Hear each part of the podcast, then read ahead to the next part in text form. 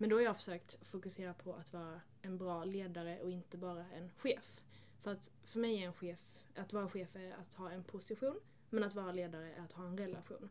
Och ifall jag kan skruva upp relationen eh, och visa att det är det jag är duktig på att leda, så kan den jag leder vara duktig på att leda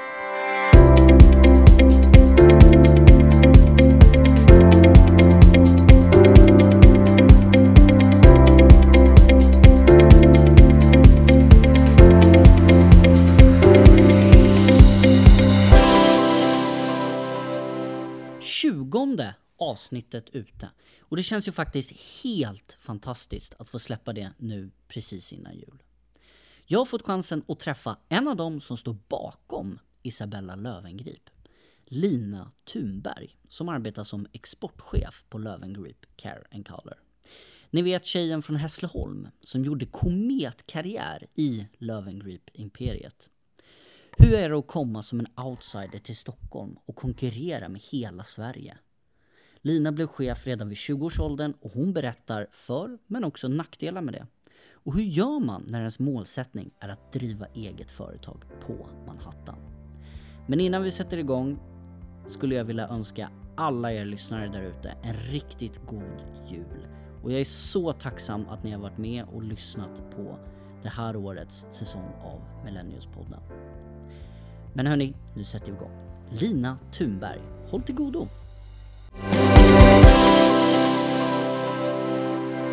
Du, vad, vad roligt det var att få komma hit en trots allt tråkig och mörk, inte regnig faktiskt, men eh, novemberdag. Ja, Det var ju mycket mysigare att sitta här inne. Vi har, jag har nästlat mig in här inne i, eh, i Sturegallerians, ja, jag vet inte riktigt hur vi kom in här till slut känns det som. Nej, många hemliga dörrar. Ja. och jag kommer nog inte komma ut heller Nej, förmodligen. jag är fel på dig. Ja, precis. Men du, eh, vi drar igång direkt med fem snabba. Så rensa huvudet. Ja, Mm. Utbildning eller erfarenhet? erfarenhet. Sminkad eller osminkad? Osminkad. Motiverad eller inspirerad? Får man säga båda? Nej. Motiverad. Ja. Ja. Du kan få förklara varför du vill Ja. egentligen ta båda sen. Absolut. Bli skjuten eller skjuta någon? Skjuta någon. Stockholm eller New York? New York. Ja, varför, varför vill du välja både och? Inspirerad eller motiverad? Det är klart att det kanske man vill, men Ja. hur, vad tänker du? Men jag tänker att det går mycket hand i hand. Att du behöver det ena för att liksom få utlopp för det andra. Eh, så har det varit för mig i alla fall. Mm. Ja. Att jag måste vara inspirerad för att kunna liksom vara motiverad till att göra någonting. Mm. Men om jag inte är motiverad så har jag inte inspirationen till att göra det. Men ändå valde du. Du är hellre motiverad än inspirerad. Om, Ja. om man måste välja då. Ja, men jag tror att det är för att jag har så mycket av motivationen i mig själv. Att det finns liksom alltid där oavsett. Så då, då kan jag lita på det i alla fall. Vad gör dig motiverad då? Att se kontraster och nya sammanhang. Träffa nya människor. eh, Och lära mig nya saker. Mm, och det kan man ju verkligen säga att du har, känns som att du gör det i alla fall. Jag försöker. så gott jag kan. Ja. Sminkad och osminkad? Osminkad. Osminkad sa du? Mm. Ja, jag jobbar ju på ett skönhetsbolag. Mm, och vi håller ju på precis. med eh, bland annat ansiktsprodukter. Mm. Och med rätt ansiktsprodukter kanske man inte behöver ha smink. Eller man kan trivas ändå. Men ni, nej, ni har ingen smink? Nej, det har vi inte. Nej, Vi har nej. bara skönhetsprodukter. Ja, eller det kan man ju säga smink också. Men vi har inte smink. Mm. Nej. Men om du inte får välja då, om du tar den här en sån här dag till Mhm. exempel. En söndag, mjukisbyxor, osminkad. Eller en eh, fredag, lite mer uppklädd. Kanske, man kanske ska gå och äta middag. Vilket, om du måste välja mellan någon av dem. Men vilket det verkligen ju- är svart och vitt. Men Ja, nej men lika mycket av båda. Men i så fall nog eh, fredagen. ja, det för att det är, det är roligare. Och då kan det Ja. hända mer spontana saker. Än snarare än om att man bara sitter hemma och inte gör något. Hur ser en söndag ut då? Förutom om du inte sitter och poddar med mig. Ja, det händer ju inte varje söndag. Nej. Eh, men en vanlig söndag så, jag försöker verkligen sova ut mycket på helgen. Och liksom ta ikapp eftersom att jag jobbar väldigt mycket. Och, eh, och det händer mycket i veckorna överlag. Oftast händer det mer, på mig, eh, mer för mig i, under veckodagarna, typ efter jobbet och så. Och under jobbet än vad det gör på helgen. Så kanske sova ut. Eh, drömscenario är att möta upp någon kompis och gå på en brunch kanske. Eller gå ut och gå en runda, träna. Ja, alla sådana tråkiga saker som att potentiellt eh, laga matlådor ifall jag tar mig tid att göra det. Mm. Tvätta, städa. Men bara göra i ordning allting inför veckan. Mm. Så tycker jag sådana grejer. Bara landa i det som har varit och ladda upp inför det som kommer. Är det viktigt att vila ut? Eller är du duktig på det också? Eller är det Mm. mer ett önsketänkande? Eh, alltså, jag skulle nog säga att jag nyligen har blivit duktig på det. Mm. Att jag inte riktigt har tagit mig tid att vila ut eller reflektera. Ehm, eller ta hand om mig själv på samma sätt tidigare. Som jag har ställt krav på mig själv att göra nu. Så jag har blivit mycket bättre på det. Dels för att vi eh, bland annat har yoga genom, genom jobbet. Vilket ställer ju krav på att du måste ta dig tid att ta liksom, din mindfulness när vi, när vi väl har yoga och mindfulness sammankopplat. Eh, sen går vi också till psykolog via jobbet. Vilket gör att Mhm. man verkligen utmanar sig själv och liksom sin, sitt psyke kanske. Men har ni det eh, som krav här. eller är det bara det är en Nej, möjlighet? det är inte krav men alla som vill får göra det. Ja, Eh, och de flesta väljer att, att göra det. det förstår jag. Det är ju sjukt bra för att man skruvar verkligen på varenda detalj av sig själv för att bli lite bättre hela Mm. tiden. Eh, Så det, genom det har jag väl också insett att om jag inte pausar nu så, så gör jag mig själv en otjänst eftersom att det är en långvarig investering. Mm. Att ha det lugnt och landa, reflektera och sen gasa på. Och inte bara gasa 190 hela Mm. tiden. Vilket jag har gjort under väldigt lång tid. Det lät ju helt fantastiskt. Så här, psykol... alltså, tänk om man kunde ha det på jobbet. Det är nog inte Mm. många som har. Nej, jag har Känns inte hört om så många som har haft det. Jag hade ju med, jag poddade ju med tjejerna från Ångestpodden just förra veckan. Och då pratade vi om just det. Mm. Och de hade nog tyckt det där var väldigt intressant att höra just för att men med, med att alla, de, inte alla, men väldigt många har väl en på något sätt en sjukförsäkring via jobbet. Mm. Så att blir jag, får man ont eller skadad eller behöver uppsöka en läkare då, då har man det via jobbet. Mm. Men undrar egentligen många som tänker ur en, bara som du säger, en psykologisk liksom term. Nej, exakt. Det känns ju sjukt skönt. Verkligen, och för vår del här på Löwengrip eh, så är det väldigt många som har sitt första jobb här Mm. och vi utvecklas ju otroligt snabbt. Eh, och eh, alltså bolaget växer väldigt snabbt. Och för att då hinna med i allting och kunna vara sin bästa version av sig själv samtidigt så är det viktigt att ha ett bollplank som kan gå in och stötta och liksom förklara vad det som händer och sätta nya mål och pusha och ta nästa steg hela tiden. Men är det, jag ska inte gå in allt för djupt för det där. Men, men Det är det, det är ändå intressant att höra. Ja. Är det, men pratar ni på en personlig nivå också? Alltså privat också? Eller är det mest hur du är som yrkesperson? Eh, för mig, jag kan ju bara yrket. svara för mig själv. Ja. Och det är ju verkligen kopplat till jobbet. Mm. Hela tiden. Hur kan jag bli så bra som möjligt i jobbet? Mm. Men sen tycker jag att det går ihop mycket med privatlivet just eftersom att jag inte har en så stor gräns. Som, m- många har ju en stor gräns mellan jobb och privatliv men för mig går det där väldigt mycket ihop. Mm. Eh, så att av den anledningen så blir det liksom lite samma. Mm. Ja. Men i, alltså, i synnerhet är det att utveckla lina i jobbet. Men har du känt någon gång att du så här, nu håller du på att tippa över här. Nu börjar det bli för mycket. Så att jag har jobbat. Att den där väggen börjar komma närmare och närmare. Man börjar se den i alla fall. Ja, nej. Um, alltså det har varit gånger då jag har varit otroligt stressad. Alltså jättestressad och verkligen varit så här.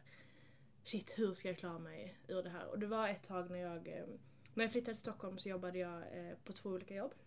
Så jag jobbade dels på Sveriges elevkårer och dels på Löwengrip där jag jobbar nu. Och då var det en period när jag jobbade, alltså verkligen dygnet, dygnet runt. Jag gick upp jättetidigt på morgonen, eh, liksom lämnade aldrig eh, hemmet innan, eller efter klockan sex. Jag kom aldrig hem innan klockan elva.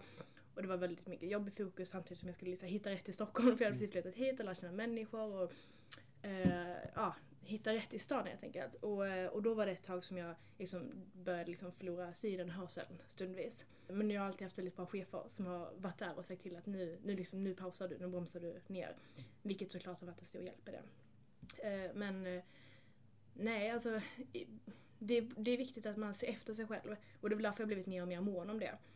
Och jag ser också att jag utvecklas väldigt mycket i det. För sakerna jag gör nu, eh, som kanske har mycket mer liksom, press och liksom, det är mycket större saker, än, än sakerna jag gjorde för ett år sedan, har jag mindre ångest över nu än vad jag hade då. Mm. Om, hängde du med på jag menar? Mm, mm, Ja, mm. precis. Mm. Så att innan kunde jag vara mer stressad och mer ångest över, inte för att jag har mycket ångest, men var mer stressad över saker jag skulle göra som kanske inte var så stora egentligen. Mm. I förhållande till nu när jag liksom många miljonbelopp i budget som jag ska dra in eller spendera eller se till att sköta personal på ett sätt. Mm. Eh, Men jag tror det är någonting man får lära sig hantera och nu har jag inte så stora problem med det. Ja, Det känns som att den, den resan du har gjort på, ja, på den här korta tiden. Mm. Den kanske man egentligen gör, alltså nu pratar vi generellt, Mm. motsvarigheten för en annan person kanske gör den på Ja det känns som i alla fall, det skulle kunna vara 10 år. Mm. Och jag menar då hinner man ju Då hänger man ju med själv Mm, också. du hinner ju landa i allting Ja, och man hinner, man hinner vara äldre också och kanske men lära känna sig själv på Mm. ett bättre sätt. Medan du har ju liksom tryckt ner det där. Det blir bara som ett, det blir väldigt koncentrerat på något sätt liksom. Mm, Och så ska man ha med sig själv i det där. verkligen. Ja. Och därför är det väldigt tacksamt att vi har just en, psykolog att bolla med på jobbet Mm. och vi går på mindfulness och allt vad det är. Men det ställer också väldigt höga krav på en själv, på att man hänger med i det, i det tempot. Mm. Men jag älskar det. Det är en del av det som jag tycker är roligast i mitt jobb. Att det går så sjukt fort. Mm. Och att jag får chansen att utvecklas och göra, utvecklas inom precis det området jag vill, precis hela tiden. Eh, och att människor, mina arbetsgivare då, litar på mig och låter mig ha det förtroendet. Det tycker jag är jättehäftigt. Mm. Men sen är det klart, det går ju, det går ju väldigt fort. Eh, men jag vill också kunna inspirera andra människor till att våga göra samma sak. Och känna att det är inte fel att hoppa på ditt första chefsjobb när du är 19 trots att du knappt vet, vet någonting. Eh, och bara köra på därifrån och sen får det gå Mm. som det går helt enkelt. Så länge man bara kör rakt fram så tror jag man lär sig jättemycket på det. Våga hoppa. Mm, precis. Mm. Om jag säger att eh, du är ju uppväxt i Skåne, Ja, bor numera i Stockholm. precis. Och du har ju engagerat dig i Raoul Wallenberg Academy for Young Leaders. Precis. Mm. Och du drev ju UF-företag. Mm. Eller det var väl du som blev utnämnd till eh, årets, eller vad kallar man det för? Årets entreprenör Ja. nere i, i Skåne, Hässleholm. Ja, exakt. Och du har ju precis fått nytt jobb. Mm. Grattis! Tack så mycket. Som, du jobbade ju som, säger man försäljningschef? Mm, precis. Sälj och eh, onlinechef skulle jag Okej. vilja säga. På Löwengrip Care and Color. Mm. Men nu är det ju exportmanager. Ja, Ja, trevligt. vilka flashiga titlar. Verkligen. Och du började ju jobba, vad var det, 2014? Mm, exakt. Jag, ja, jag hade praktik en vecka sista terminen på gymnasiet. Mm. Eller vi, fick, vi på ekonomiprogrammet fick det antagligen som någon typ av kompensation för att vi behövde utstå G11 för första gången. Ehm, och då tänkte jag att jag skulle kunna vara någonstans i Hässleholm och satsa på att få sommarjobb typ Mm. på den lokala banken eller någonting. Men å andra sidan så hade det varit häftigt ifall jag fick se något helt annat. Och det väl alltid det som har drivit mig att pusha mig långt utanför min comfort zone. Så jag började kika på olika typer av startupbolag. Framförallt i Stockholm. eh, Men också runt omkring i, i Skåne och Malmö och liknande. Och se vad hade varit intressant att vara någonstans och var skulle jag kunna få ut så mycket som möjligt. Eh, För, för på startupbolag så finns det alltid mer arbete än vad det finns personer Mm. på plats. Mm. Så då kommer det bli illa tvunget att jag får liksom testa på så mycket som möjligt. Så jag bestämde mig för att söka mig hit till Löwengrip Color och sa det till mina föräldrar eh, att om jag får den här praktikplatsen kan ni betala boende för mig i Stockholm då? Och de bara ja ja, det löser vi väl. Det var en vecka. Ja ah, precis. Och sen sa jag Det var till inte så farligt ändå. Nej det var det inte, men jag liksom gick ju på gymnasiet och Mm. även ifall jag jobbade så hade jag inte så, hur mycket pengar som helst. Mm. Och sen sa jag till min lärare att ifall jag får praktikplatsen betalar du resan och lunchen. Typ för den, för den veckan jag har praktik. Och han bara absolut. För de trodde inte att jag skulle få det. Antingen väldigt bra lärare och föräldrar eller riktigt bra sälj av dig. Ja, precis. Jag gjorde mitt bästa. Så jag eh, mejlade och ringde och eh, gjorde allt jag kunde för att komma i kontakt med någon här och det var ju jättesvårt. Mm. Eh, men sen till slut så fick jag en kontakt och jag eh, tjatade mig till en intervju. Eh, genomförde intervjun och det gick bra och sen fick jag praktikplatsen. Så då var jag här en vecka och det gick jättebra och jag hade jättekul, jag kände att jag klickade med alla och sådär och eh, sen blev jag femte personen in i bolaget. Efter det. Wow. Det är ju extremt. Och liksom att du har hängt kvar så länge också Mm. efter det. Mm. Jag menar många kan ju ha stuckit direkt efter eller Mm. liksom sådär och sen potentialen för liksom vad det hade kunnat bli och vad det har blivit var ju Mm. ganska ja, vad man nu säger, positiv Ja. redan då säkert. Absolut. Mm. Men jag tror inte riktigt att det var någon som kunde se eller förstå hur stort det skulle bli idag. Mm. Eller att allting skulle gå så fort, att vi skulle dubbla omsättningen varenda år och att vi liksom skulle, skulle växa på det här sättet. Eh, Utan jag hängde mest kvar för att jag tyckte det var ett fantastiskt sammanhang att vara i. Att jag Mm. lärde mig jättemycket och jag tyckte Mm. jättemycket om människorna på bolaget. Och det är kul att se hur någonting växer. Mm. Eh, Och sen nu så helt plötsligt jobbar jag med export och liksom får ta större ansvar i hela världen. Vilket är jättehäftigt och jag kunde aldrig förutspå att det skulle bli på det sättet. Mm. Nej, det förstår jag. Och så förutom det så har du ju fått, eh, du har fått flera utmärkelser med UF och sådär också. Men eh, framförallt 101 supertalanger Mm. och Veckans Affärer. Det var väldigt kul. Det förstår jag. Ja. Och vad, förutom det här då? det var lite kort bara. Ditt Mm. CV. Vad skulle du, vad vet man inte om Lina Thunberg? Oj, jättebra fråga. Eller någonting som skulle kunna vara kul att veta, det är att jag eh, har liksom vuxit upp med hela den här entreprenörsordern ända sedan jag var liten. Mamma var lärare i bland annat Ung Företagsamhet, Mm. alltså själva Mm. kursen. Pappa har alltid drivit eget eller egna bolag. Så att hela diskussionen, eller alla diskussioner vi har haft hemma har ju kretsat kring vilken affärsidé är bäst just nu? Vad ska man satsa på? Hur ska Mm. man kunna göra där? Hur twistar man den här idén? Eh, Så jag har alltid haft det här med utveckling med mig. Och har alltid velat skriva på alla detaljer. Vilket nog har varit en av de stegen till att ta mig dit jag är idag. Mm. Så det, det är en sak man inte, man inte vet om mig. När Kanske. du bolag då? Ja, det är frågan. Än så länge så får jag verkligen känna mig som en entreprenör i jobbet. Mm. Eller en intraprenör kanske man säger. Eh, Så så länge jag får göra det och jag får så mycket fritt utrymme som jag får och liksom testa mig fram. Och det är väldigt sällan som någon säger nej du får inte göra det där utan det är snarare kör, testa. Går det inte bra så säg till i tid så vi hinner rädda projektet. Eh, och eh, det, det gör ju att jag känna mig som en entreprenör. Mm. Eh, Och då har inte jag något behov Mm. av att driva eget bolag. Men jag har ju Men vill du inte det? Någon gång i alla fall. Ja, alltså för en månad sedan så hade jag den här dialogen med en kollega till mig och du sa nej, nej, jag trivs nog bra med att vara anställd. Men nu så har jag börjat känna att ah, det kanske, det måste ju skava lite för att du ska utvecklas. Mm. Och det skulle skava väldigt mycket att starta ett eget Mm. bolag. Eh, Så potentiellt, ja, det hade varit jättehäftigt att få köra det någon gång. Mm. Mm. Vad skulle det vara? Mm. Har du ingen idé som ligger Jo, någonstans det blir långt klart jag bak? har. Ja. Men någonting. Ja, nej men det får vi se när det kommer. Ska inte sitta och sno Ja. mina idéer Ja, här. ja, ja, nej, men absolut. Och så, du pratade ju liksom att du motiveras om, eh, av att, eh, ja, men att kliva utanför din comfort zone. Ganska långt till och med och det känns ju som att du verkligen har gjort. Mm. Det är ju ändå en stor skillnad på vardagslivet i Hässleholm Mm. till att kasta sig ut och liksom ge sig in i ett startupbolag i Stockholm Mm. som med, med alla risker det nu finns liksom med. Hur gör du sånt idag tycker du? Hur jag kastar mig utanför min Mm, comfort zone. Precis. Ja, alltså jag, ut, alltså jag, jag tar mig verkligen an precis alla olika utmaningar som jag ser. Till exempel att sitta här och göra en podcast. Mm. Det är verkligen, som jag nämnde innan, väldigt retoriskt utmanande och, eh, och läskigt. Eh, På onsdag så åker jag till Paris själv för att träffa en av de största distributörerna som finns i hela Asien. Från Korea. Jag ska pitcha in eh, Löwengrip för dem. Sen gör jag mycket sådana saker. Bara för att utmana mig själv och se hur långt jag kan komma i det. Mm. Hela tiden. Mm. Men det kan vara alltifrån att träffa liksom, en ny person och lära känna den till att göra något jätteläskigt, ta ett samtal på jobbet eller göra någon intervju eller liknande. När man gör sådana typer av saker så inne, är det ju inte bara framgång och eh, happy days. När man, såklart. Ja. Vad skulle du säga har varit liksom det största bakslaget för dig då? Även om det har lärt dig någonting. Så vad skulle du säga har varit det liksom tyngsta, jobbigaste bakslaget du har fått när du har agerat på det sättet?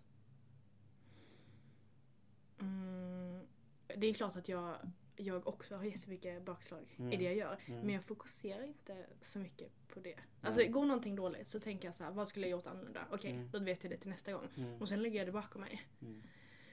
Ja, För jag tänker, det, det är ju det som håller tillbaka många. Mm. Att man inte vågar. Precis. Och det är klart att det ger ju ringa på vatten till slut och ibland så lyckas man inte. Nej. Alltså så är det ju verkligen. Men, men det är därför det är så intressant att höra för alla som sitter och lyssnar som kanske också befinner sig i ett, förstå mig rätt, men i ett Hässleholm som Mm. kanske drömmer om att få börja jobba i Stockholm på ett startup liksom. Mm. Och intressant att höra. Det kan gå snett och hur går det snett? Ja. Men det kanske inte är så farligt som sagt. Nej men eh, jag, jag skulle nog vilja koka ner till det att det inte, alltså att snedsteg inte är så farliga. Mm. Men jag har gjort all, alltså, alla möjliga fel. Allt från räkna fel på någon budget till att liksom missa ett möte. En gång, alltså jag är en människa som inte försov mig. Jag gör inte det, det har liksom aldrig hänt. Mm. Men en gång så vaknade jag klockan 12. Har typ 40 missade samtal från jobbet. Då hade Mm. jag försovit mig. Det var ju inte heller sådär jätte, jätte Det var ingen kul. liten försovning, Nej, eller? verkligen inte.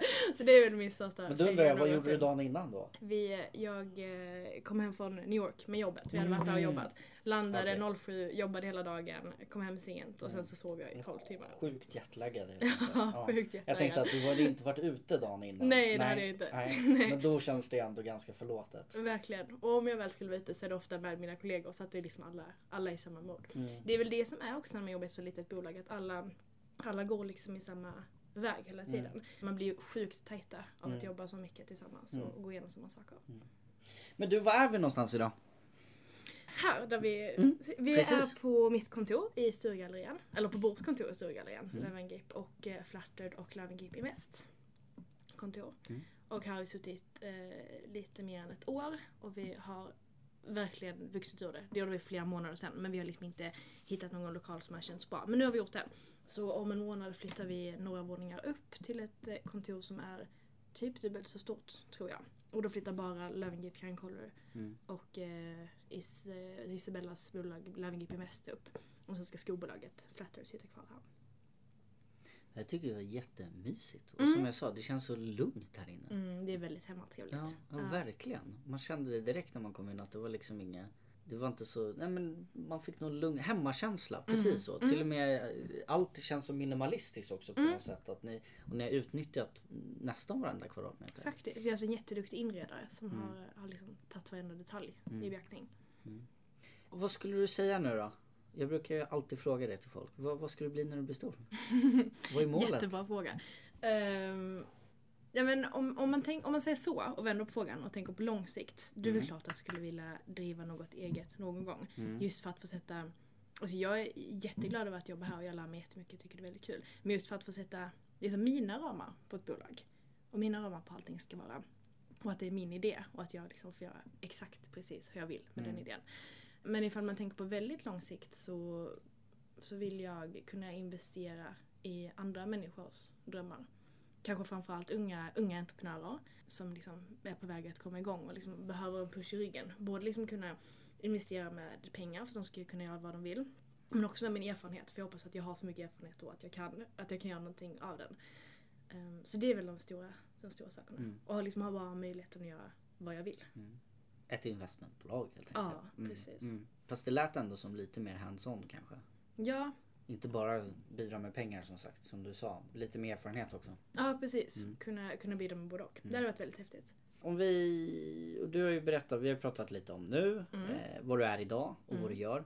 Men på något sätt så känns det som, jag tror det är både jag själv men många andra funderar på det, det här med att hur kommer det sig att en ungdom då som även om du bara var här och praktiserade en vecka slutar upp liksom som försäljningschef, exportchef Mm. På ett av liksom Isabella Lövengrips framgångsrika företag. Den matematiken, hur, hur går det där? Hur, Ja. hur, liksom, vad har hänt egentligen? Vad har vi missat? Vi som inte är med vardagligen liksom. Ja, jag nyper mig fortfarande i alltså, Verkligen. Ja. Eh, Men jag tror det handlar jättemycket om att jag är otroligt dedikerad som människa. Och när jag går in för någonting då gör jag det till 100%. Och att man alltid kan lita på min, min leverans. Och sen har jag varit väldigt duktig längs tidens gång på att försöka bli bäst på det jag gör. Och jag har inte pluggat något så jag är liksom ingen så här, journalist som kommer in med så här, bred kunskap och kan, kan massor om ekonomi eller försäljning eller liknande. Utan jag har gått in och tänkt okej vad kan jag bli bra på? Som liksom kan bli min spetskompetens. Okej, kundrelationer. Och att kunna varumärket. Och att kunna serva alla. Kan jag det? Och kan jag vara en liksom bra chef samtidigt? Då kommer jag kunna utvecklas väldigt mycket Mm. i det jag gör. Eh, sen får man inte heller glömma att jag såklart har väldigt bra chefer som tror på mig och som investerar i mig. Det är en lika stor del av hela, att det är liksom en synergieffekt där. Att det är mycket givande och tagande i hela processen. Men, eh, men ja, det är otroligt eh, och jag undrar fortfarande ibland hur det gick till. Men jag är väldigt glad över att jag är här. Ja, men för, det, för det känns ju som, eller du borde väl få väldigt ofta, alltifrån kanske media när du väl finns, syns i de sammanhangen, men kompisar eller kompisars kompisar eller vad det än är. Att du borde, det känns som att du måste få frågan väldigt ofta hur det är att jobba med Isabella. Ja, jätteofta. Men så därför tänkte jag inte ställa den. Om vi vänder på den. Hur, tror du, Is, hur tror du att Isabella tycker det är att jobba med dig? Ja, ja, spännande att vända på det. För jag menar, någonting är det ju som gör att du är kvar och att hon tog in dig i så pass tidig ålder känns det som. Mm. Jag tror, hoppas och eh, ja, hoppas jag vet att hon, eh, att hon är nöjd över att jag verkligen ger allt. Och att jag alltid vrider på de där lilla extra Mm, sakerna och liksom mm. fattar hela grejen.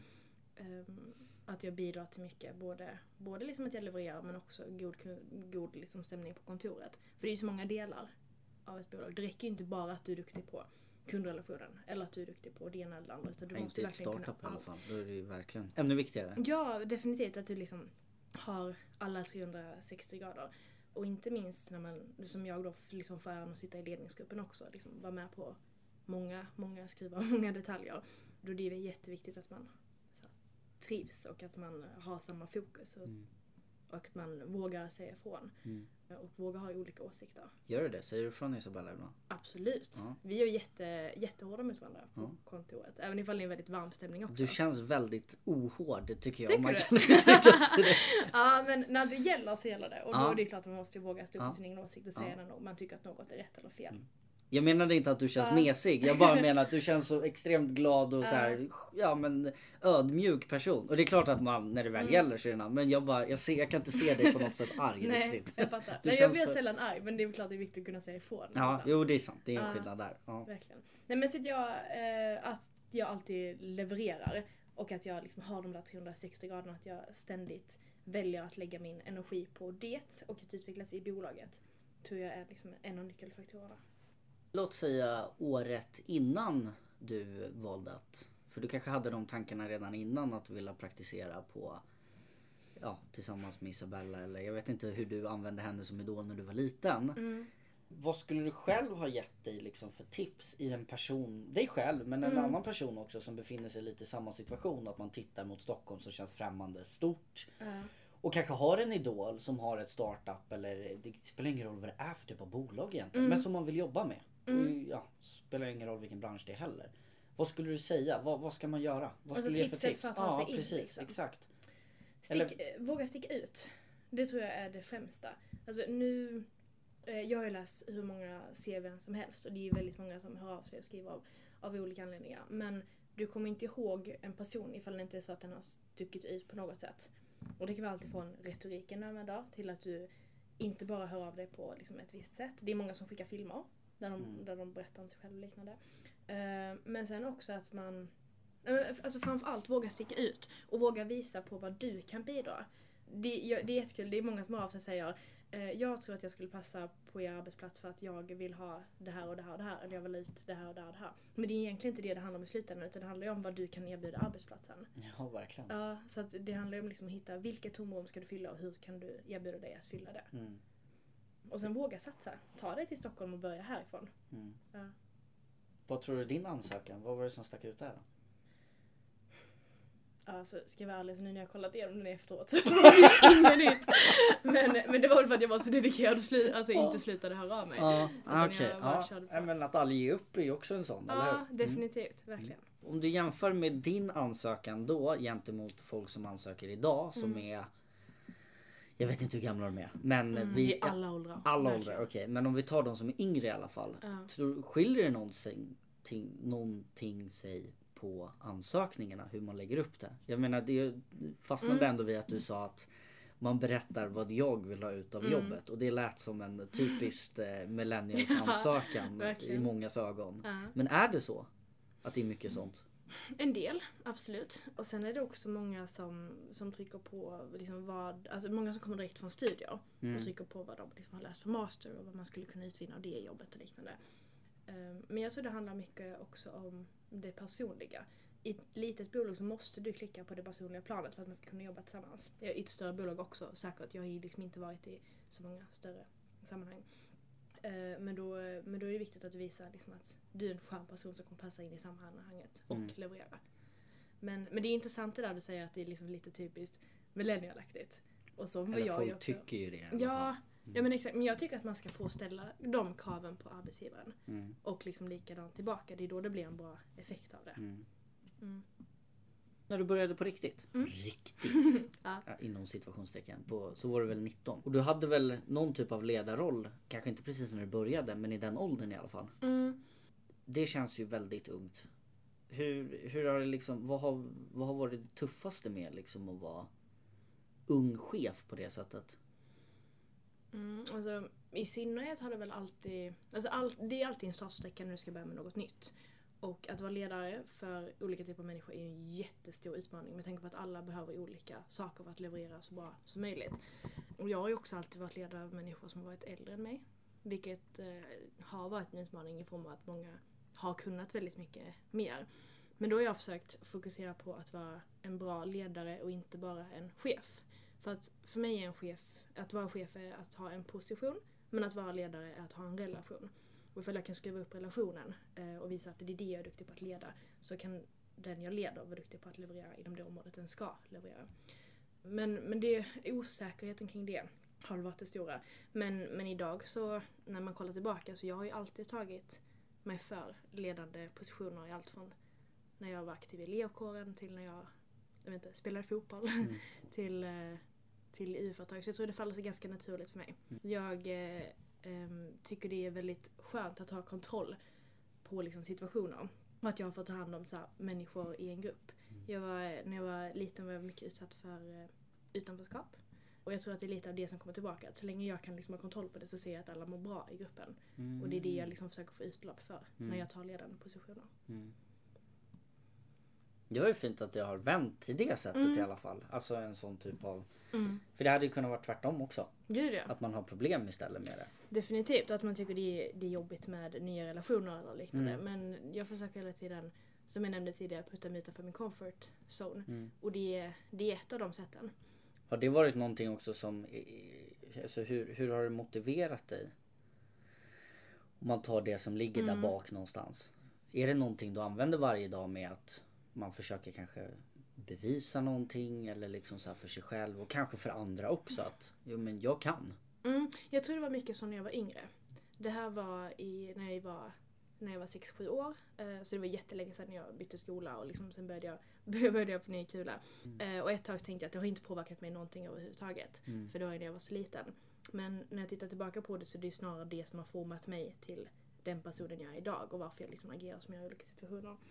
Men eh, nej, alltså jag tycker inte att jag jagas av det någonting utan jag jagar snarare att vara liksom bäst i världen på typ relationsbygge eller Mm. olika situa- sociala situationer Mm. och liknande. Så jag har väl vänt på det på det sättet och liksom lagt det bakom mig. Mm. Bra. Mm. Skönt.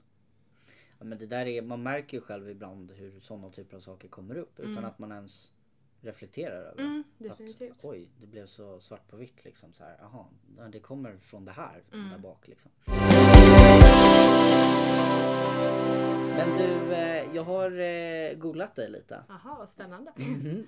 Har du gjort det någon gång? Mm. Det är klart man Vet du vad, jag misstänkte faktiskt att du skulle göra det på den här podcasten så jag passade klart. på att göra det. Ja, du gjorde det? Ah, okej, då har du det. Vad trevligt. Ja, men förutom eh, allt sån här typ av information som alltid kommer upp, Eniro, mer Mm. Det. info, LinkedIn och Mm. såna här saker. Så var, gjorde ju Veckans Affärer ett reportage av dig. Mm. Med dig, heter det. Eh, där det var citerat att högskolepoäng är inte är lika med kompetens. Ja. Är det så? Jag tycker det. Ja, Jag står fast vid det. Hur, ja men hur, berätta då. Hur menar du då? Nej, alltså, alla människor är inte gjorda för att plugga. Och jag tycker inte att man ska känna att man behöver, man behöver göra det för det finns så himla många andra sätt att lära sig på också. Men det är sagt, det är inte fel att plugga, man ska göra det ifall man vill det. Eh, mycket mer än att jag hoppar på studier någonstans längre fram i tiden. Det är liksom helt omöjligt att säga. Men det finns så många andra sätt att lära sig saker på. Det är förlegat att du bara måste studera. Så av den anledningen så Ja, av den anledningen så säger jag det citatet liksom. Mm. Ja men det är ju väldigt intressant för att jag tycker så här, det, det känns ju mer som att det är en det är på något sätt en hets som kommer från äldre generationer. Kanske våra föräldrar. Mm. Du måste ju studera. Mm. Det är väl ett, det ska väl alla göra Mm. efter gymnasiet. Och gärna kliva på direkt och så ska du veta vad du gör och så tre år och sen en, kanske till och med en master. Ja. Men om vi, bort, om vi ser, för det känns som att det är också en generell trend i Sverige att man kanske börjar motsäga det där. Men utomlands är det ju fortfarande, man är ju ingen om man inte har en utbildning inom Nej, någonting. verkligen. Och jag har, eh, har släkt utomlands eh, på olika ställen som, som också är såhär, jaha men vadå liksom du väljer bort att plugga? Och framförallt också att i Sverige så är ju utbildning gratis. Du får betalt för Mm, att studera. precis. Typ, varför väljer du inte att göra det? Men jag, när jag gick gymnasiet så, så jag var helt säker på liksom, Uppsala, eh, Lund eller Handels. Liksom. Jag var, satt och tänkte så här, vilken av dem ska jag plugga på? Någon av dem måste det bli liksom. Men sen hoppade jag på att jobba istället och tänkte att ja, men jag kanske blir en sån där som tar ett sabbatsår. Jag jobbar lite, sparar ihop pengar till en resa, resor och sen börjar jag plugga. Men nu så är jag inte alls taggad på det. Jag lär mig så mycket på andra sätt. Och det är många, om jag skulle säga liksom från i 30-årsåldern och neråt, som säger att Melina du kommer aldrig behöva plugga. Medan de som kanske är från 30 och uppåt säger att nu är det nog dags, snart är det dags att sätta dig i skolbänken så Mm. att det liksom inte blir för sent. Nej för risken är att man inte pallar sen för att då kommer så pass långt. Men det är alltså att kliv, då blir det Mm. som att kliva tillbaka Ja, till skolbänken och rent kanske ekonomiskt också kommer det ju påverka en liksom. Mm. Och du tror inte att det kommer vara som ett bakslag i framtiden när du är 40 och kanske vill ha en ännu större position med ett bolag och så krävs det att Mm. du måste ha en kandidat till något. Ja, jo, alltså mycket möjligt. Men det hade väl också varit häftigt ifall man kan vara den som banar väg för att det inte behöver vara så. Mm. Eh, och om jag, om, om jag nu, alltså om det skulle krävas så får jag väl starta mitt eget bolag där jag bestämmer reglerna. Mm. Och där kommer jag inte kräva att någon behöver plugga. Ja, din chef har ju inte pluggat Nej, till exempel. precis. Och det går ju ganska bra. Ja, det rullar på. Kan man väl lugnt säga. För henne. Ja, exakt. Hon Fast har ju det- inte ens gått klart gymnasiet. Nej, nej just det. Mm. Men det är ju väl din förtjänst varför det går så bra. Så att, nej. Exakt. Nej. och sen fick du ju utmärkelsen 101 supertalanger. Ja, Grattis! tackar, tackar. Hur kändes det? Det kändes jättekul. Ja. Det stod på min mållista. Mm. Eh, Men jag tänkte väl inom loppet av typ 10 år. Precis Mm. som jag tänkte med min exportchefstjänst. Att Mm. inom loppet av 10 år hade det varit kul. Mm. Men jag får se ifall det händer typ. Och du berättade ju att den har varit med på mållistan. Ja. Har du en mållista? Ja, det är klart En fysisk mållista? Ja, det har jag. Som jag, jag har eh, 100 mål. Ja, Okej. Som jag, jag, jag, jag sätter mig ner och så skriver jag 100 mål. Ja. Eh, och det är mycket hjärngympa i det. Eftersom att du måste komma på alla de där målen som typ Mm. egentligen kanske inte... Du tänker ju alltid på de så här 10-20 första eller främsta målen. Mm. Och sen så får man ju komma på de 80 andra också. Vilket Mm. blir väldigt mycket hjärngympa. Och det är kul för då får du mer en så här definierad förståelse för vart du vill och kanske lite varför. Så det sätter jag mig och gör någon gång då och då. Typ en gång i kvartalet. Mhm. Mm. Och då kan man också se vad man kan ta bort och vad man kan lägga till. Ja precis. Du, men jag tänkte, tar du bort saker även om du inte har klarat av det? ja, det kan hända att jag Mm. tycker att någonting är irrelevant. Då, att jag Mm, bara, men gud okej. varför vill jag det här? Nej Mm. men nu vill jag något annat istället. Mm. Och sen är det också kul att kunna följa upp och se att just det, det här var ju ett av mina mål. För jag följer Mm. inte den slaviskt och dedikerat medan Mm. jag har den där och vet liksom. Den ligger På någonstans sikt. där bak. Ja. Exakt. Mm. Exakt. Och från, eh, du sa att du jobbar kvartalsmässigt. Mm. Då är det ju, ja, nu är det ju snart. Nej det är inte så snart. Det är väl närmare när det bytte kvartal. Fick Ja. du checka av någon senast nu då? Ja, eller ska jag säga, nu har jag faktiskt inte gjort någonting för någon ny för Q4. Nej. Och jag, egentligen, jag, Jobbar du så också Q1? Eller var det tog... Ja. Ja men typ så. Men sen sätter jag mig ner lite när jag känner för det. Mm. Men, eh, ja, men det här med jobbmässigt att eh, exporten kunde jag checka av. Eh, Den stod där? Ja, den stod där. Ja. Ja. Men också så här, jobba med export liksom så här, utomlands. Ah, okej. Inom ja. Mattias, inom tio år. så det kunde jag göra redan nu. Och sen mycket småresor. Eh, Jag var i London här om helgen och hälsade på en kompis. Mycket sådana saker, att kunna eh, ha en flexibel vardag och kunna resa mer. Men också mycket som är kopplat till mig själv. i Alltså till min liksom, privatperson i form av att sova mer, träna mer, Mm. eh, ta hand om dig själv på det sättet. Mm. Så, så det är väl lite det som mitt, mina många mål styr mot nu. Mer mjuka saker i min vardag för att Mm. här, ha en mer balanserad, långsiktig livsstil. Jag tänkte, funkar det att ha mjuka mål? Är inte det väldigt svårt? Träna mer. Och vad innebär det? Hur många gånger är det i veckan? Och liksom... Ja men då får vi lägga upp det från vecka till vecka. ah, okej. Ja. Det är väl också en del av min söndagsrutin. Mm. Att spika nästa vecka hur Mm. den ska vara. Även eh, träningsmässigt Ja. och... Ja. Mm. Absolut, lägga in det i min kalender. Ja men eh, vad spännande. Mm. För att det, jag har ju pratat med några, eller många, med alla millennials på något sätt har väl mål på det sättet. Vissa har det mycket mindre och vissa följer slag som jag intervjuade Josef Fallesen som Ja. driver Businesspodden. Han skriver ner sina mål varje morgon. Det är det första han gör till exempel. Mm. Kajsa till exempel, hon hade också en sån 100-lista som vi pratade om. Mm. Om du fick nämna en grej på som du inte har klarat av än då, rent jobbmässigt. Mm. Det är att ta mitt egna bolag som inte finns än Mm. till, Ja. till Manhattan och Ja. leva det där. Okej, Ja. så New York alltså? Mm. Mm. Det står högt upp på mållistan. Ja. Och det väl mer bara Inte att- bara bo och jobba där utan faktiskt göra det med sitt egna bolag. Ja exakt. Mitt egna på mina villkor. Men då finns det ett bolag som är ganska tydligt hos dig ändå. Mm. Låter det som? Ja, men så vet jag inte ifall det är det som kommer ta mig dit. Nej. Jag tänker att, ja, men som till exempel Danny Wellington. Det var inte Mm. det första bolaget som Filip startade. Nej. Så det kan ju hända att man får testa några gånger först. Mm. Innan man, innan man tar sig dit. Men ja, jag vill driva mitt egna bolag på Manhattan. Mm. Det hade varit jättehäftigt. Och se hur man kan konkurrera och liksom spetsa varenda detalj i det sammanhanget. Mm. Älskar New York. Jag tänkte precis fråga, varför Manhattan då? Men det är som en hel värld. Mm. Och det finns mycket spännande människor. Det känns som att det är, det är liksom det som allting kretsar runt om. I världen menar du? Eller menar du i New Nej, York? nej men, men, men både och att hela, Ja. hela världen kretsar runt New York. nej kanske inte. Men jag bara tycker om eh, New York väldigt mycket och man kan göra mycket saker där. Det finns Mm. som jag nämnde många coola personligheter. Jag, jag, tycker, jag kommer från en väldigt liten stad. Och med det sagt så tycker jag det är superhärligt med olika stadsdelar.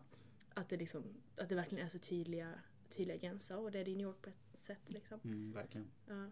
Och, eh, ja, det är bara vackert. Coolt. Men det är ju något. Jag ska inte sitta här och försöka låta som att vadå, vad är New York? För att jag är helt förälskad i den staden själv. Ja men det är ju någonting med den som gör att man det är ju där drömmar blir sanna liksom. Mm. Det är ju och det kommer alltid att vara så liksom. Och man kan inte sätta punkt på, på vad det är egentligen. Exakt. Men det, det som jag tror är så himla spännande är att det händer så mycket på en så liten yta. Mm. Det är väl Och som du, säger, du har hela världen, du har alla olika typer av branscher där Ja, också. exakt. Och att det på något sätt är så svårtillgängligt. Mm. För att alla får inte green card. Nej. Alla kan inte bo på Manhattan för det är svindyrt. Alla kan liksom inte ha en vardag och leva där och gå runt. Jag tänkte säga, om du hamnar i Brooklyn, då, då bockar du inte av Jo, jo, Det det, jag tycker om Brooklyn jättemycket Ah, också. okej. Alltså det, det hade inte varit något fel heller. Men, eh, men hela den här liksom, the American dream Ja, grejen. ja, Det hade varit häftigt att testa på någon gång. ja. Hade varit. Tänk dig nu att eh, du sitter på ett ålderdomshem. Mm. Du är, vi hoppas på att du lever, jag vet inte hur gammal du vill bli men eh, ja, äldre än 80 i alla fall. Def- 85, äldre än 85 kanske. Eh, och du tittar tillbaka på ditt liv. Ja. Vad tror du att du kommer komma ihåg? Nu har du inte levt majoriteten av det än. Precis. Men om du bara får hypotetiskt tänka, vad tror du du Ja. kommer ihåg av ditt liv då? Till saken är att jag, de flesta av mina släktingar har blivit över 100 år. Så att jag Oj! har Okej. väl bra igenom för att leva, Ja. leva länge och Ja. uppleva mycket. Då är det ju liksom bara en femtedel än så länge. Exakt. Typ. Ja. Men jag hoppas att jag kommer tillbaka på, jag kommer se tillbaka på alla resor jag har gjort. Eh, Jag älskar att resa, jag har alltid Mm. rest väldigt mycket med familjen och eh, liksom det bästa, absolut det bästa jag vet. Så jag hoppas att jag kommer kunna se tillbaka på alla resor jag gjort och bara känna att fan vad coolt att jag fick chansen att göra det där. Eh, Och också tänka på alla människor jag har lyckats kunna påverka på något sätt, eller alltså hjälpa på något sätt. Mm. Kanske hjälpa någon att starta ett bolag som blev det där superföretaget som ingen, ingen liksom trodde på eller liknande. Så det är väl typ framförallt de två sakerna. Och känna att jag har känt mig fri under hela mitt liv. Att jag har kunnat göra precis vad jag har velat hela tiden. Bra summerat. Mm. Men du, som du sa, ju- vi tappade det lite där på vägen med investmentbolaget. Mm. Att du ska faktiskt hjälpa folk både ekonomiskt kanske erfarenhetsmässigt. Eller kunskapsmässigt. Känner du att hellre att kanske putta någon fram och liksom bidra med det du har lite bak, alltså Mm. bakom kulisserna?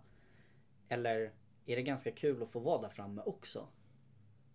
Förstår du vad jag menar? Ja, jag fattar. Det, är, det är väl en, en blandning Mm. mellan det. Jag skulle säga 50-50. Mm. Jag tycker det är jättekul när jag kan se att någon utvecklas. Och då behöver liksom inte jag vara egentligen en del av processen men jag bara tycker det är häftigt att se hur någon annan människa utvecklas. Och inte minst de som jag liksom har äran att vara chef över. Men sen är det också kul när jag har gjort någonting som går bra och jag får liksom vetskap om det. Eller det syns på något sätt. Så jag skulle säga 50-50. Mm. Tråkigt svar men sant. Mm. Nej, absolut inte. Det är, det är ju ditt. Ja, så du resonerar. Ja. men för jag tänkte också för att sätta det i kontext så är det ju också om man jämför med, det, med en av dina chefer idag i alla fall Mm. är ju varumärket Ja. själv. Precis. Och ni andra är ju verkligen bara bakom liksom och stöttar upp liksom. Mm. Stöttar upp. Ni alla gör väl er del såklart. Ja. Men rent utåt så syns ju bara Isabella. Men det är så inte riktigt att någon heller, eller det är klart nu sitter jag här och gör en podcast med dig som någonstans Mm. kanske kommer att lyssnas på av någon. Men jag tror inte att alla riktigt har det behovet av att, alltså och det är ju en del av hennes business. Mm. Att synas och Absolut. vara den personen. Mm. Så det är som, en, ja precis en del av hennes affär. Men eh, jag vet inte, jag tror inte alla bakom kulisserna här har samma behov eller, Mm. eller så av det där. Mm. Men det är klart, alla tycker det är kul att uppmärksammas när de gör någonting bra. Mm. Och det tror jag generellt så. Jag tror att alla människor behöver det ibland.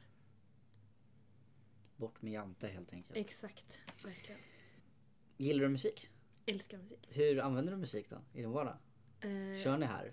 Ja. rådunkar på fredag eftermiddagarna. Hela tiden. Från 07.00 på måndagar.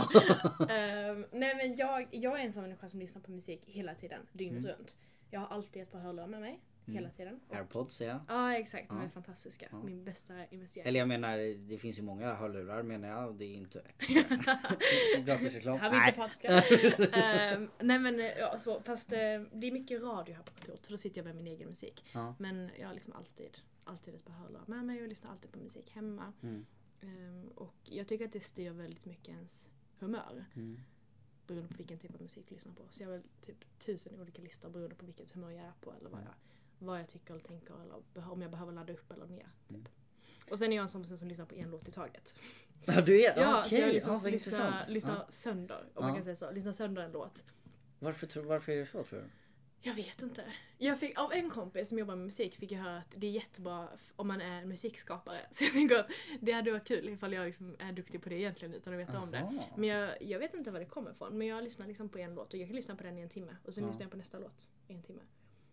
Och så kan jag lyssna på en låt Men tröttnar dagar. du på dem sen och så lyssnar du inte på dem på kanske fem år eller något sånt Exakt, där? det är det som är okej. problemet. Ja. Och sen när jag umgås med andra människor så måste jag gilla att tvunget lyssna på olika låtar löpande för att det blir så himla Du tjatigt. sätter inte på samma låt. Nu ska exakt. roadtrippa någonstans i fem timmar och Nej. så kör vi samma låt i fem timmar. Nej det skulle inte hända. Det hade varit en skön kompis. Mm. Och hur, hur använder du, alltså har du någon speciell låt som inspirerar, motiverar dig, som kanske ger dig lite extra boost? Men Såna här jag. gråa, tråkiga novemberdagar. Exakt, som jag lyssnar på på vägen hit faktiskt. Ja, okej. Nej, men jag har en låt som, och den lyssnar jag inte på så ofta utan det är liksom bara när jag behöver ladda upp för någonting eller ifall jag är nervös inför Mm. någonting lyssnar jag på den. Och det är en instrumentallåt, Intro med The XX. Mm. Den tycker jag är jättebra. Mm. Och den har man ofta i filmer och liknande Mm. också. Ja. Väldigt bra film. Typiskt bra musik. bakgrundsmusik. Ja. Ja, om man ska tänka. För då är det inget som stör kanske på det sättet. Alltså att då kan tankarna gå fria. För annars går man Exakt. och lyssnar och nästan sjunger på låten liksom. Exakt. Mm. Och vad, vem skulle du vilja att jag hade med i podden? Om du fick välja någon millennials. Ja, jättespännande fråga. Mm. Ja, en av mina eh, närmsta kollegor och Mm. en av mina bästa kompisar, Simon Sjögren. Mm. En väldigt spännande människa. Han eh, gick på Balettakademin i Stockholm och svängde om totalt och jobbar nu som operativ chef på Löwengrip Invest. Hos Isabellas e- investmentbolag.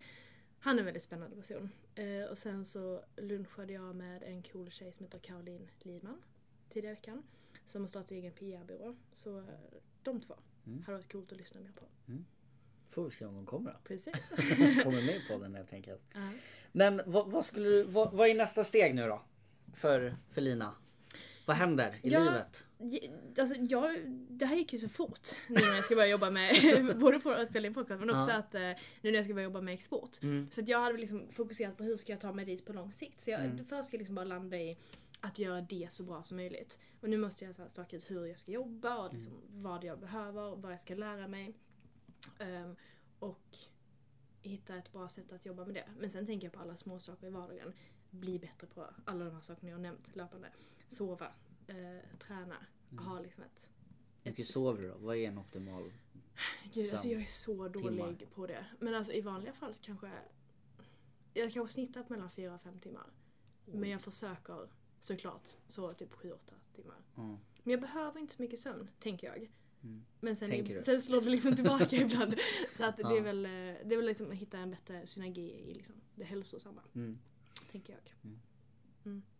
Men eh, så att det tillsammans med att göra ett sjukt bra, på jobbet, nej, sjukt bra jobb på jobbet. Sen tänker jag också att nu sitter jag med i eh, ideella styrelser. Och det hade varit väldigt häftigt att få testa på hur det skulle vara att sitta med i en bolagsstyrelse. Så det hoppas jag också på. Att kanske inom ett år, eller liksom på, på snar sikt. Men man ska också förtjäna det såklart. Det är en viktig del av det hela. Mm. Så då får jag se vilken kunskap jag behöver stötta upp med för att kunna bidra med någonting på det sättet. Mm. Eh, Men det är också ett mål. Som jag behöver ta mig an. Vad spännande. Mm. Då får vi se då om eh, fyra kvartal då, om det, den är avbockad då. För jag misstänker att den står med på listan. Ja, det gör den Ja. också. Kommer. Vad spännande. Ja, så får vi väl eh, om inte alls för lång tid. Nästa gång vi ses, då kanske Ja. vi ska göra det på ett eh, café i, på Manhattan då. Exakt! Ja. Det låter som en jättebra Så får jag, får jag höra nu. Okej, vad är det som har hänt nu då? Hur mycket har du gått igenom på listan där liksom? Exakt, och du Ja. får uppdatera från Los Angeles. Just det, Mm. absolut. Coolt. Det var extremt kul och eh, mysigt det var att sitta och podda lite med dig. Detsamma, tack för att jag fick vara med. Det var väldigt roligt.